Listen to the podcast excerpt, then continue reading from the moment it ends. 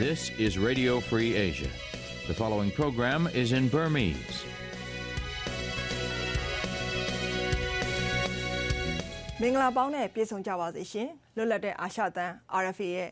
2023ခုနှစ်စက်တင်ဘာလ20ရက် ဗုဒ္ဓဘူးနေ့မနက်ပိုင်းအစီအစဉ်လေးကိုအမေရိကန်ပြည်ထောင်စုဝါရှင်တန် DC မြို့တော်ကနေစတင်ထုတ်လွှင့်နေပါပြီ။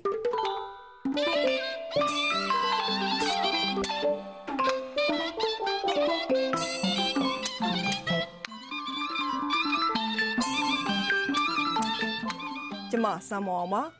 ဒီနေ့အစီအစဉ်တွေထဲမှာတော့နောက်ဆုံးရသတင်းတွေနဲ့အတူမြန်မာစစ်တပ်ကခရီးယန်ဘာသာဝင် လူနည်းစုတွေအပေါ်ကျူးလွန်နေတဲ့ရာဇဝတ်မှုတွေကို လူသားမျိုးနွယ်အပေါ်ကျူးလွန်တဲ့ရာဇဝတ်မှုနဲ့စစ်ရာဇဝတ်မှုတွေအဖြစ်သတ်မှတ်ကြေညာပေးဖို့အမေရိကန်လွှတ်တော်နဲ့အစိုးရတို့ကိုတိုက်တွန်းတဲ့သတင်းဆောင်ပါနဲ့ကရင်တိုင်းရင်းသားဘာသာစီစဉ်တွေကိုဆက်လက်ထုတ်လွှင့်သွားမှာပဲဖြစ်ပါတယ်။ပထမဆုံးသတင်းတွေကိုတင်ပြပါမယ်ရှင်။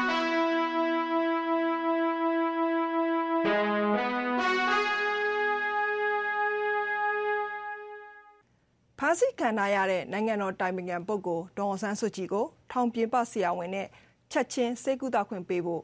မလေးရှားလွှတ်တော်အမတ်အယောက်130ကျော်ကစုပေါင်းလက်မှတ်ထိုးပြီးစစ်ကောင်စီကိုတောင်းဆိုလိုက်ပါတယ်။မလေးရှားလွှတ်တော်ထဲမှာအမတ်222ဦးရှိတဲ့ထဲက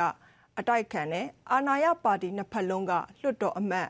135ဦးပူးပေါင်းပြီးစက်တင်ဘာလ19ရက်နေ့ကပူးတွဲကြေညာချက်ထုတ်ပြန်တောင်းဆိုခဲ့တာပါ။ ဒေါ်ဆန်းစုကြည်အပါအဝင်ဖမ်းဆီးခံထားရသူတွေအားလုံးကိုလွှတ်ပေးဖို့နဲ့ဒေါ်ဆန်းစုကြည်ရဲ့ကျန်းမာရေးကိုလည်းစိုးရိမ်နေတယ်လို့ကြေညာချက်ထဲမှာပြောထားပါတယ်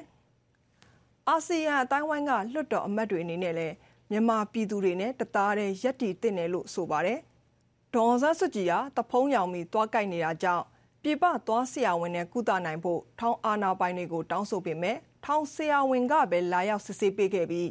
ပြင်ပဆရာဝန်နဲ့ကုသခွင့်ရဖို့ကြံ့ကြာနေတယ်လို့အကျဉ်းထောင်နဲ့နှိစက်သူတွေက RFA ကိုပြောပြထားပါတယ်ရှင်။စကိုင်းတိုင်းမင်းကင်းမြို့နယ်မောက်ကထော်အောက်ဖက်ရှမ်းနဲ့တောင်ချေအနီးချင်းတွင်းမြစ်အတွင်းမောင်းနှင်လာတဲ့အမြန်ရေရင်တစည်းစက်တင်ဘာလ19ရက်နေ့ကတိမ်းမှောက်ရာမှာနှစ်ဦးသာအသက်ရှင်လွတ်မြောက်ပြီးတရားကျော်ပျောက်ဆုံးနေတယ်လို့မင်းကင်းဒေသခံတွေကပြောပါတယ်။ဟောမလင်းမြို့ကနေထွက်ခွာလာတဲ့စစ်တင်ဘော12စီးပါရေရင်တန်းထဲကတစီးဟာ ပြူစောတိကျွေးရဖြစ်တဲ့ပန်းဆက်ရွာကဒေသခံတွေကိုတဲဆောင်လာပြီးပြန်အထွက်မှာရှမ်းနဲ့တောင်ကူကိုဝင်တိုက်ပြီးနစ်မြုပ်သွားခဲ့တာလို့ဆိုပါတယ်။တိမ်းမောက်သွားတဲ့ရေရင်မှာလိုက်ပါလာတဲ့ရေတပ်သား9ဦးဆရာဆရာမကျောင်းသားကျောင်းသူနဲ့ပြူစောတိမိသားစုဝင်တွေအပါအဝင်စုစုပေါင်းလူဦးရေ100ခန့်ဟာပျောက်ဆုံးနေတယ်လို့ဆိုပါတယ်။ရေရင်မောက်မှုမှာအမျိုးသမီးတဦးနဲ့ရေရင်မောင်းသူတောင်ပြူရွာကပြူစောတိကောင်းဆောင်နိုင်ဝင်းစော်တို့ပဲလွတ်မြောက်လာတယ်လို့လည်း ဒေသခံတယောက်ကပြောပါတယ်။စစ်ကောင်စီရဲ့လက်နက်ကြီးအလက်20ခန့်နဲ့ကြောက်စိမ့်တန်ချိန်100လောက်လဲနင်းမြုပ်တဲ့ရေရင်ထဲမှာပါသွားတယ်လို့မင်းကင်းဒေသခံကာကွယ်ရေးတပ်ဖွဲ့တစ်ခုဖြစ်တဲ့ကျောင်းသားတော်လှန်ရေးတပ်ဖွဲ့ SRF ကထုတ်ပြန်ချက်တွေမှာဖော်ပြထားပါတယ်ရှင်။တင်းသာရီတိုင်းပလောမြို့နယ်မှာမြတောင်ကျေးရွာအနီးစက်တင်ဘာလ18ရက်နေ့ကဖြစ်ပွားခဲ့တဲ့စစ်ကောင်စီတပ်နဲ့တိုက်ပွဲမှာဒေသခံကာကွယ်ရေးတပ်ဖွဲ့ဝင်9ဦးသေဆုံးခဲ့တယ်လို့ ပလောအခြေဆိုင်ပြည်သူ့ကာကွယ်ရေးတပ်ဖွဲ့နဲ့နှိဆက်သူတဦးကပြောပါတယ်။စစ်ကောင်စီဘက်ကကုန်းကြောင်းနဲ့ရေကြောင်းကပါထိုးစစ်ဆင်တိုက်ခိုက်နေပြီးစစ်တပ်ဘက်ကလည်းအသေးပြောက်ရှိတယ်လို့ဒေသခံတအုပ်ကပြောပါတယ်။စစ်ကောင်စီထောက်ခံတဲ့ Telegram Channel တွေထဲမှာတော့ဒေသခံကာကွယ်ရေးတပ်ဖွဲ့ဘက်က14ဦးသေဆုံးပြီးတနက်9လက်တင်ဆက်ရရှိတယ်လို့ရေးသားထားပါတယ်ရှင်။မြန်မာစစ်တပ်ကိုဆိုနာအတန်လိုင်းသုံးရှာဖွေရေးစနစ်တစ်ခုနဲ့ စစ်တမ်းကောက်ယူရေး drone တွေတရားမဝင်ရောင်းချခဲ့တဲ့စင်ကာပူနိုင်ငံသား2ဦးကိုဒဏ်ငွေတွေပေးဆောင်ဖို့စင်ကာပူတရားရုံးကစက်တင်ဘာလ19ရက်နေ့ကအမိန့်ချမှတ်လိုက်ပါတယ်။ကာကွယ်ရေးနဲ့လုံခြုံရေးဆိုင်ရာနည်းပညာပစ္စည်းတွေခွင့်ပြုချက်မရှိဘဲရောင်းချမှုနဲ့စင်ကာပူအခြေစိုက် Hydronet ကုမ္ပဏီကိုအမေရိကန်ဒေါ်လာ8သိန်းကျော်နဲ့ညီမျှတဲ့စင်ကာပူဒေါ်လာ1.13တန်းပေးဆောင်ဖို့တန်ချမှတ်ခဲ့တာပါ။ဒါအပြင်ကုမ္ပဏီရဲ့ဒရိုက်တာကို စင်ကာပူဒေါ်လာ4000ခွဲနဲ့အယောင်းမန်နေဂျာကိုလည်းစင်ကာပူဒေါ်လာ3000ခွဲငွေဒဏ်တွေပေးဆောင်ဖို့တရားရုံးကအမိန့်ချမှတ်ခဲ့တဲ့ကြောင်း The Star သတင်းဌာနကဖော်ပြပါဗျ။ Hydronet ကုမ္ပဏီဟာနော်ဝေးကုမ္ပဏီကထုတ်လုပ်တဲ့ဆိုနာစနစ်ကိုဝယ်ယူပြီး Myanmar Entity Light of Universe ဆိုတဲ့မြန်မာကုမ္ပဏီကနေတဆင့်မြန်မာရေတပ်ကိုအမေရိကန်ဒေါ်လာ1.58သန်းနဲ့2018ခုနှစ်မှာပြန်ရောင်းခဲ့တာပဲဖြစ်ပါတယ်။ ဒါပေမဲ့နော်ဝေကုမ္ပဏီဘက်ကတော့အင်ဒိုနီးရှားကုမ္ပဏီတစ်ခုကိုရောင်းခဲ့တာဆိုပြီးစာရွက်စာတမ်းအတုတွေနဲ့လိမ်လည်ခဲ့တယ်လို့ဝန်ခံထားကြပါတယ်ရှင်။ကချင်ပြည်နယ်ရွှေကူမြို့နယ်ရေလွဲရာကိုစစ်ကောင်စီတပ်ကစက်တင်ဘာလ18ရက်မနေ့ကဝင်ရောက်စီးနင်းပြီးအရက်သား90နီးပါးဖမ်းဆီးခံထားရတယ်လို့ဒေသခံတွေကပြောပါတယ်။စကိုင်းတိုင်းကတာမြို့နယ်ကနေ AR မြစ်ကြောင်းအတိုင်းရွှေကူမြို့နယ်ဘက်ကိုစံတက်လာတဲ့တင်မော6စီးဟာ မြစ်ကြောင်းအနီးရေလဲရာကိုဝင်ရောက်စီးနင်းခဲ့ပြီးနေအိမ်တွေကိုလည်းမိရှို့ခဲ့တယ်လို့ဒေသခံတအုပ်ကပြောပါတယ်။စစ်ကောင်စီတပ်ဟာမြစ်ကြောင်းတလျှောက်ကရွှေတူးဖော်တဲ့ဖောင်သုံးစီးနဲ့လှေတွေကိုလည်းမိရှို့ဖျက်ဆီးခဲ့ပါတယ်။စစ်ကြောင်းထိုးကန်ရတဲ့ရေလဲရနဲ့မိုးစစ်ရွာကဒေသခံတထောင်ကျော်ဟာအိုးအိမ်စွန့်ခွာထွက်ပြေးနေရပါတယ်။ဖမ်းဆီးခံရတဲ့အမျိုးသမီးတွေပြန်လည်လွတ်မြောက်လာပေမဲ့အမျိုးသားတွေကိုတော့ဆက်လက်ဖမ်းဆီးထားတယ်လို့ဒေသခံတွေကပြောပါတယ်။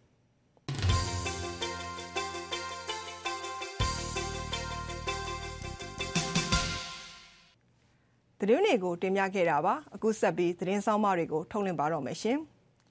2021ခုနှစ်စစ်တပ်ကအာဏာသိမ်းပြီးကတည်းက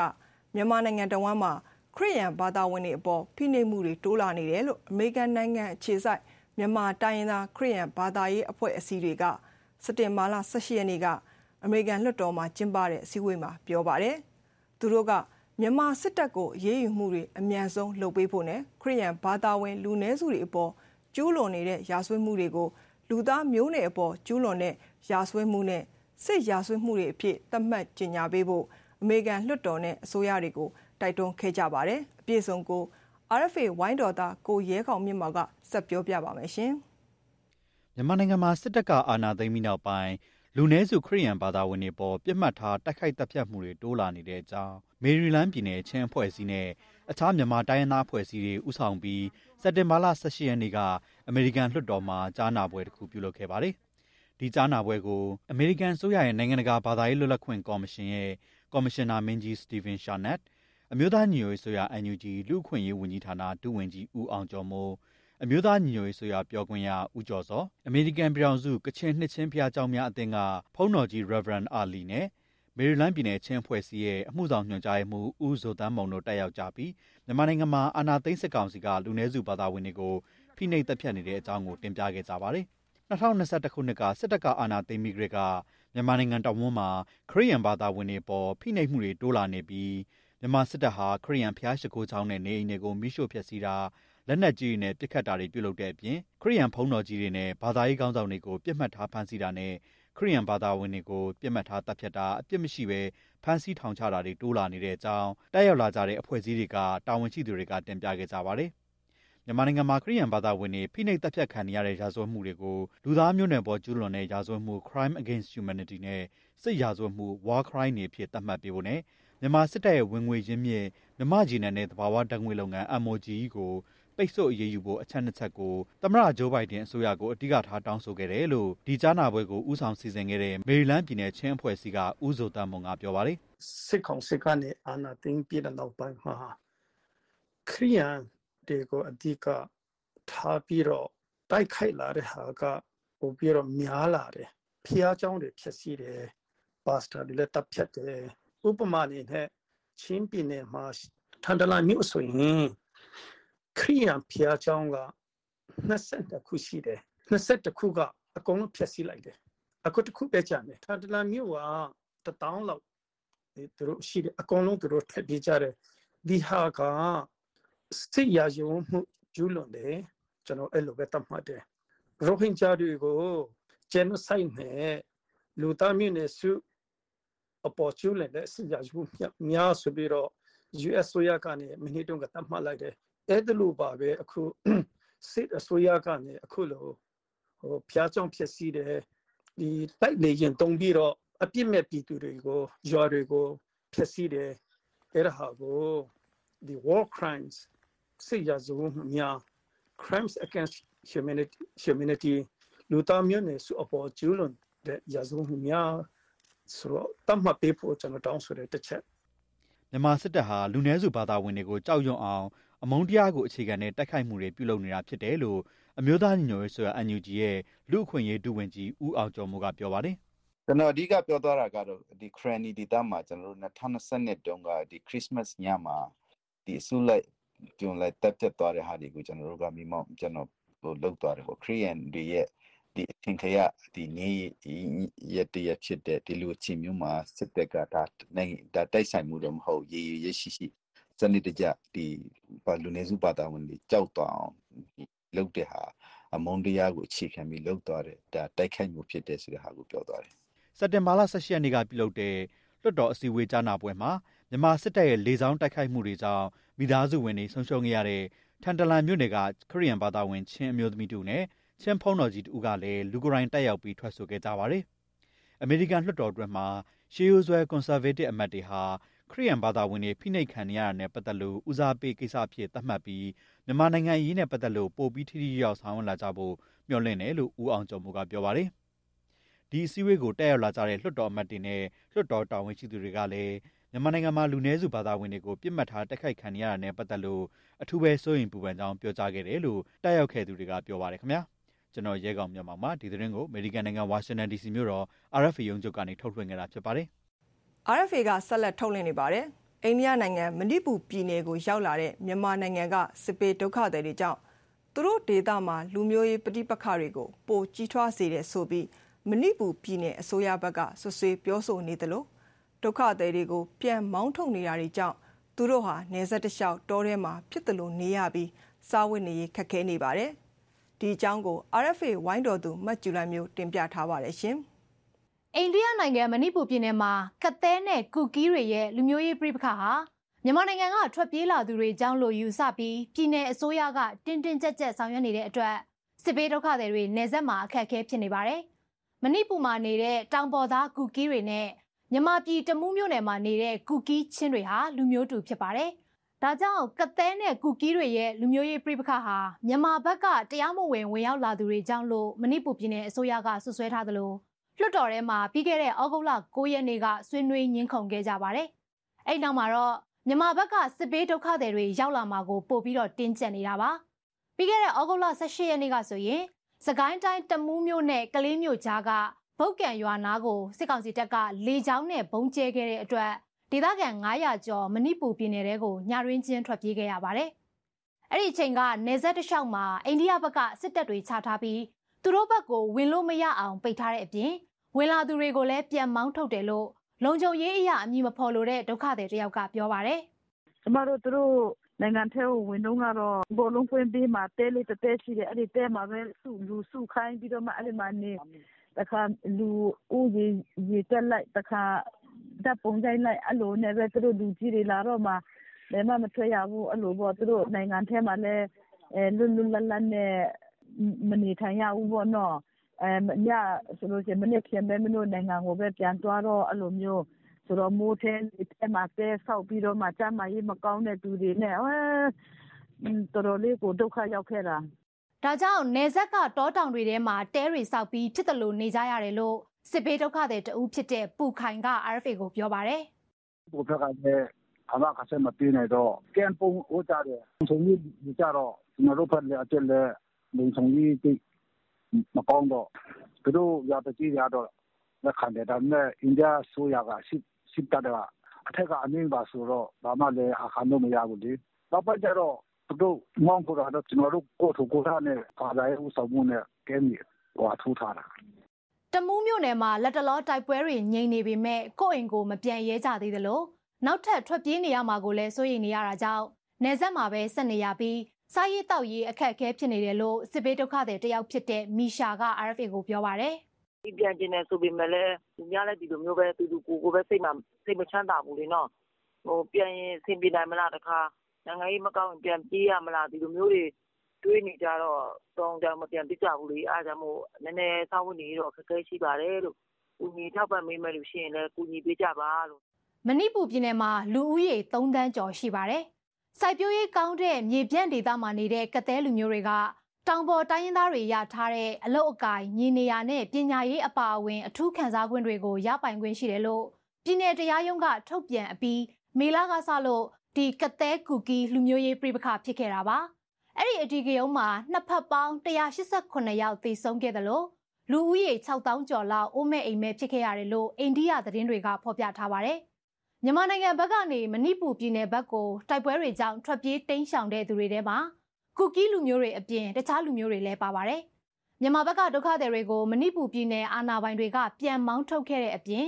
သူတို့စီကလူမျိုးရေးအဓိကရုံးကမြန်မာဘက်ကထွက်ပြေးလာတဲ့သူတွေကြောင့်ပိုပြီးကြီးထွားစေတယ်ဆိုပြီးမဏိပူပြည်နယ်အစိုးရကဆွဆွဲတာနဲ့ပတ်သက်လို့ရန်ကုန်မြို့အခြေဆိုင်မြန်မာနိုင်ငံဆိုင်ရာအိန္ဒိယတန်ယုံကို RFA ကအီးမေးလ်ကနေတဆင့်ဆက်သွယ်မေးမြန်းပေမဲ့အကြောင်းမပြန်ပါဘူး။ အလားတူပဲအိန္ဒိယနိုင်ငံဆိုင်ရာမြန်မာတန်ယုံကို RFA ကအီးမေးလ်ကနေတဆင့်ဆက်သွယ်မေးမြန်းခဲ့ပေမဲ့အကြောင်းမပြန်ပါဘူး။မြန်မာစစ်ဘေးဒုက္ခသည်တွေကြောင့်ပြိပခပိုကြီးထွားလာရတယ်လို့ဆွဆွဲနေတာဟာလက်မခံနိုင်စရာဖြစ်တယ်လို့ India for Myanmar အဖွဲ့တီထောင်သူဆလိုက်ဒိုခါက RFA ကိုပြောပါတယ်။တာဝန်ရှိတဲ့သူတွေကမြန်မာစစ်ဘေးရှောင်တွေကိုထိုးထွေးတဲ့ဟာကတော့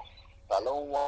လက်ခံနိုင်စရာအကြောင်းမရှိသလိုကျွန်တော်တို့မြန်မာပြည်သူတွေကိုဒုက္ခပိုရအောင်ယူချစ်ရှိရှိလုပ်တဲ့ဟာဖြစ်တယ်။ စစ်အာဏာသိမ်းပြီးနောက်ပိုင်းမဏိပူပြည်နယ်ကိုထွက်ပြေးရတဲ့စစ်ဘေးဒုက္ခသည်9000ကျော်ရှိသလိုအဖမ်းခံထားရတဲ့မြန်မာနိုင်ငံသားအယောက်80ကျော်ရှိပြီးသူတို့ကိုဆက်သွယ်ကူညီဖို့လည်းခက်ခဲနေတယ်လို့ဆလိုက်ဒိုခါကပြောပါရယ်။ပြီးခဲ့တဲ့ဇွန်လ30ရက်နေ့နဲ့ဇူလိုင်လ31ရက်နေ့ကတော့အိန္ဒိယကာကွယ်ရေးဝန်ကြီးဌာနအတွင်းဝင်ဂီရတာအရာမနီကစစ်ကောင်စီခေါင်းဆောင်တွေနဲ့နေပြည်တော်မှာတွေ့ဆုံခဲ့ပြီးနယ်စပ်တစ်လျှောက်မှာအန်ဒီရရှိတဲ့ဘလို့လှုပ်ရှားမှုမျိုးကိုမှခွင့်မပြုဖို့နှစ်ဖက်စလုံးကထပ်ပြီးတော့ကတိပြုခဲ့ကြတယ်လို့ အိန္ဒိယကာကွယ်ရေးဝန်ကြီးဌာနဘက်ကသတင်းထုတ်ပြန်ထားပါတယ်ရှင်။အခုဆက်လက်ပြီးသတင်းမြင်ကွင်းကျအစီအစဉ်ကိုထုတ်လွှင့်ပေးပါမယ်။အခုချိန်မှာရခိုင်ပြည်နယ်ဟာစစ်ပွဲတွေနဲ့ခလန်းလန်းမှာရှိတယ်ဆိုပေမဲ့စစ်ကောင်စီနဲ့ရခိုင်တပ်တော်အေအေတို့ရဲ့အားပြိုင်မှုတွေရှိနေပါတယ်။ဒီအားပြိုင်မှုမှာနေရုပ်တရုတ်အနေနဲ့ပါဝင်နေတာကတော့ရခိုင်ရိုဟင်ဂျာလွတ်မြောက်ရေးတပ်မတော်အာဆာပဲဖြစ်ပါတယ်။အာဆာကိုစစ်ကောင်စီကကြောထားနောက်ခံပေးထားတယ်ဆိုတဲ့ပြောဆိုမှုတွေလည်းရှိနေပါတယ်။ ဒါပေမဲ့စစ်ကောင်စီဟာသူကိုယ်တိုင်အကြမ်းဖက်ဖွဲ့ဖြစ်သတ်မှတ်ထားတဲ့အာဆာကို ပြန်ပြီးအထောက်ပံ့ပေးနေရင်တမိုင်းလှမှာမဟုတ်ဘူးလို့သုံးသပ်သူတွေကဝေဖန်ပါတယ်။ဦးတင်ရောက်ခိုင်တင်ပြပါမယ်ရှင်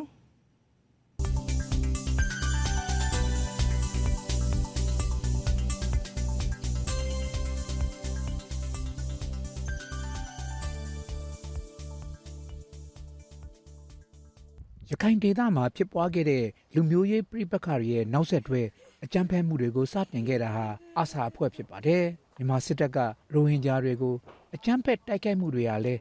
အာဆာရဲ့လှုပ်ဆောင်ခြင်းနောက်ပိုင်းတုံ့ပြန်မှုဖြစ်နေပါတယ်2019ခုနှစ်ကဖြစ်ပွားခဲ့တဲ့လူသန်းနီးပါးဘင်္ဂလားဒေ့ရှ်နိုင်ငံဘက်ကိုထွက်ပြေးရတဲ့ဖြစ်စဉ်ဟာလည်းအာဆာကြောင့်ဖြစ်တယ်လို့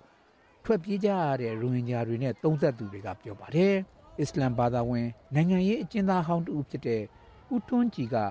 အာဆာကိုမြန်မာစစ်တပ်ကမွေးထားတာဖြစ်ပြီးသူလှုပ်ချင်တာအတွက်အာဆာကိုအတုံးချနေတာလို့ပြောပါတယ်အာဆာဝချပ်ဖက်ဖွဲ့စည်းပေါ့ဗျာတခါတည်းရစရာမရှိအောင်သူကဘယ်ကဲ့သို့ပဲချမ်းသာအာဆာဝပဲတိုက်ပေါ့ဗျာအဲ့တကယ်တကယ်ကြတော့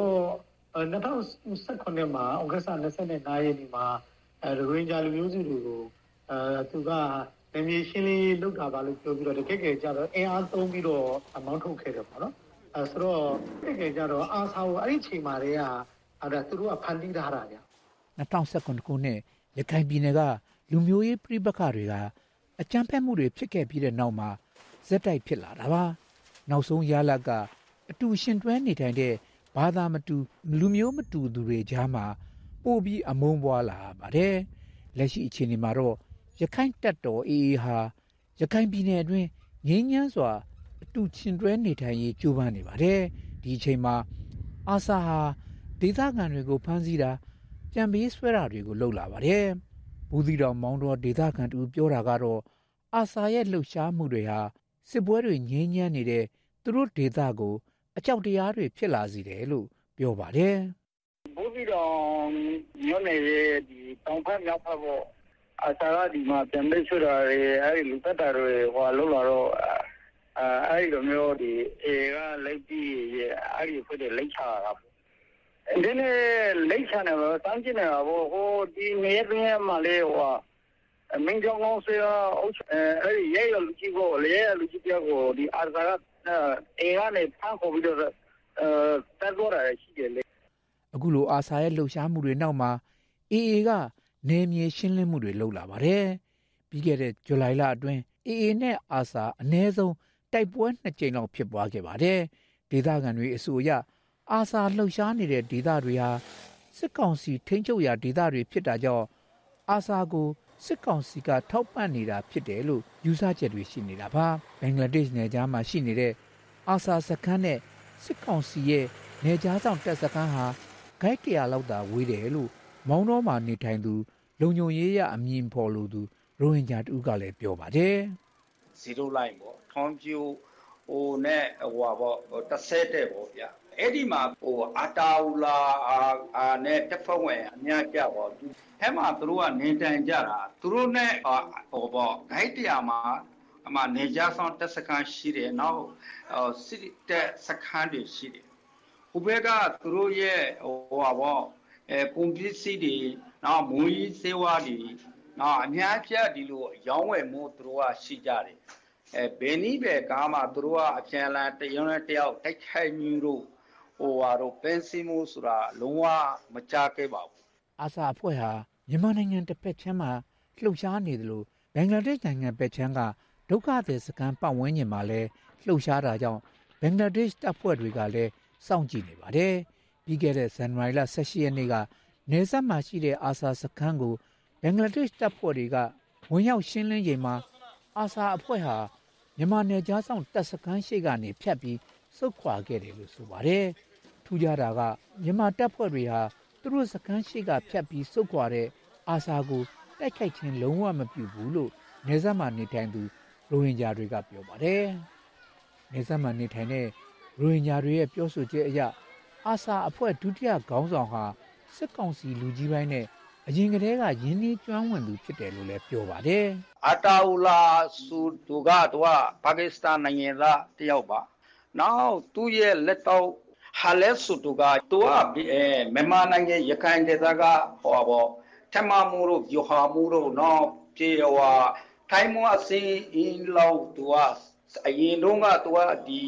ARS ရဲ့ ဟိုဒုတိယအစည်းအဝေးတော့မလုပ်ခင်သူကစက်နိုင်မှုရှိတယ်ဆိုပြီးတော့ကျွန်တော်တို့ကဒီဘက်မှာဒရေရရှာလာအများကြီးရက်ခဲ့တာရှိတယ်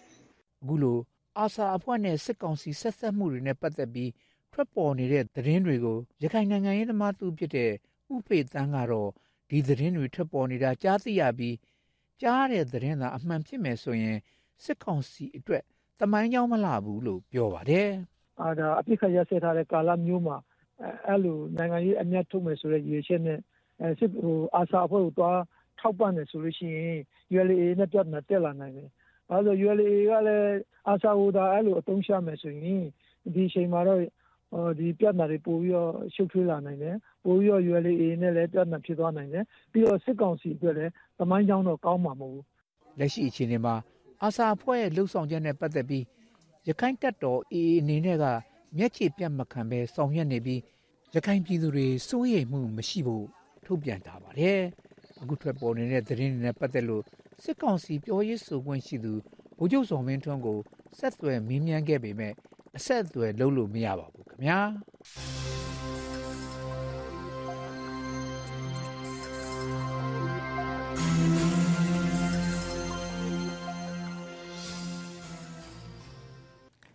နောက်ထပ်ဆက်ပြီးတင်ပြမှာကတော့ကရင်တိုင်းသားဘာသာအစီအစဉ်ပဲဖြစ်ပါတယ်။မြန်မာစာတန်းထိုးနဲ့ကြည့်ရှုနားဆင်ရမှာပါရှင်။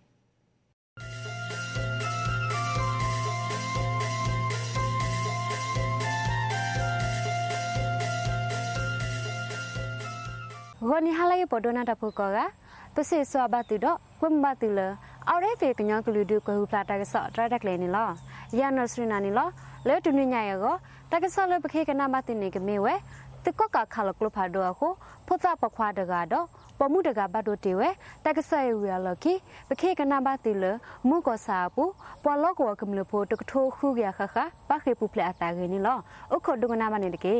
တုကကခါလောကလဖာဒိုအခလီလော့တေပူဖာခိုဖုတ်ပခွာတကတော့ပမှုတကဘတ်တို့အပူကွေလာစက်တင်ဘာခေါ်တော့နီဟာခေါ်လူနာရီဘလနေကညော့ဒေါကလုစပ်ဖို့ကရကောတူလက်တပ်ပဟကောဒုတထုကောရတထုကောစာ မင်းလွတ်တော့ကရပနွယ်ကလာအလဲရွာကလာတဲ့အပူနေတုကကအတူဆောလအတာဖဲပနွယ်ကလာတုကလေအပူတဖာခါလကလဖတ်ဒိုအခလီတဖလဲလော့တက်ပူဖတ်တီဝဲအခုမောင်ဇော်ဖြိုးလက်အတနီအိုတစီတနီတကအခေါ်လေခိုလက်အထွတ်တပါဘဒိုဘတီတီဝဲအဂင်းနီလောတကတော့ခေါ်တုကကအတုခါလကလဖာဒိုအခလစ်သဖလေလော်တက်ပူဖာတီဝဲဖဲဝန်ဘေတဝဘူးအခုနော်ခခိုင်အခေါ်လက်အစီတပါဘဒိုတီဝဲတော့ကလဖာဒိုအခလီတော့အခိကတီဝဲတော့တီမောင်ရင်စိဥမောင်မြင့်ဦးတော့ ရမှုဖေးတဖာဟီဘဒိုဟာကိုတီဝဲတော့ကလဖာဒိုအခလီရေ KNU ဒူတူကိုရီထူတော့ပဖလာတီဝဲဖဲလာစက်တမ်ဘာတစီရတော့အနီနေလောတုကကအတူတဖာခါလောကလဖာဒိုခဲခဲအခုလောကဝကမလဖို့တဖာပပလီဘဖူတာဒေါ်လာတလူအောင်ခိုတာတမှုအောတခုအခုအောတခုပိခုမတဖာကောခဲဝဲဒိုမာရေ KNU တထုကောစာဘမ္မဒတဖာစီဝနေလော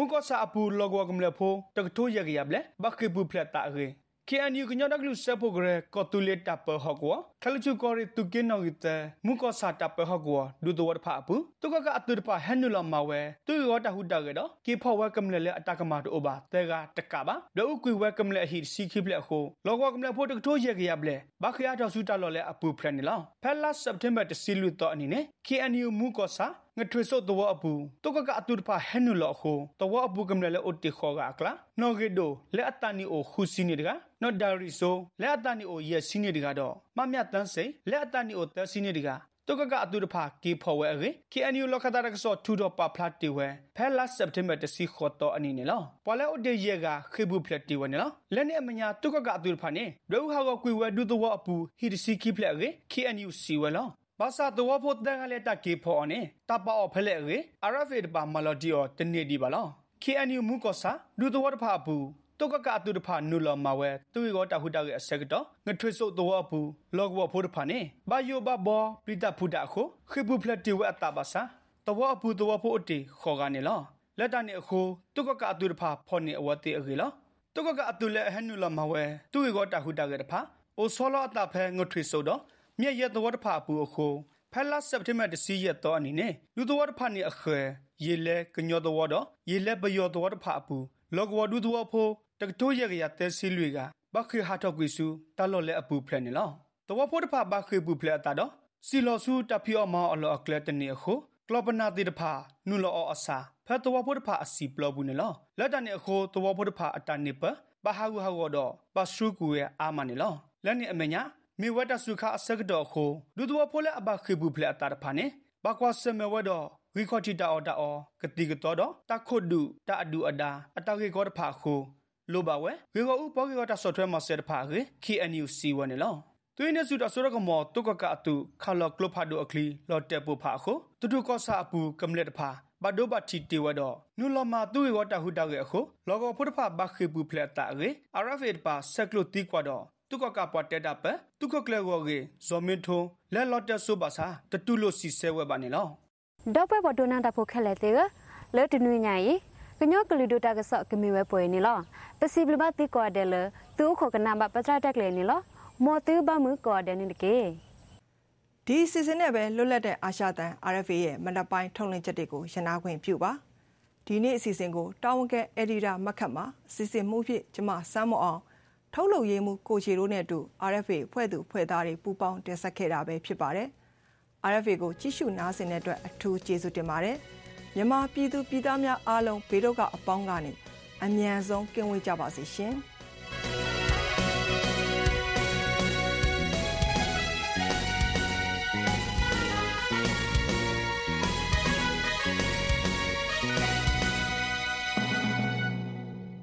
have been listening to Radio Free Asia.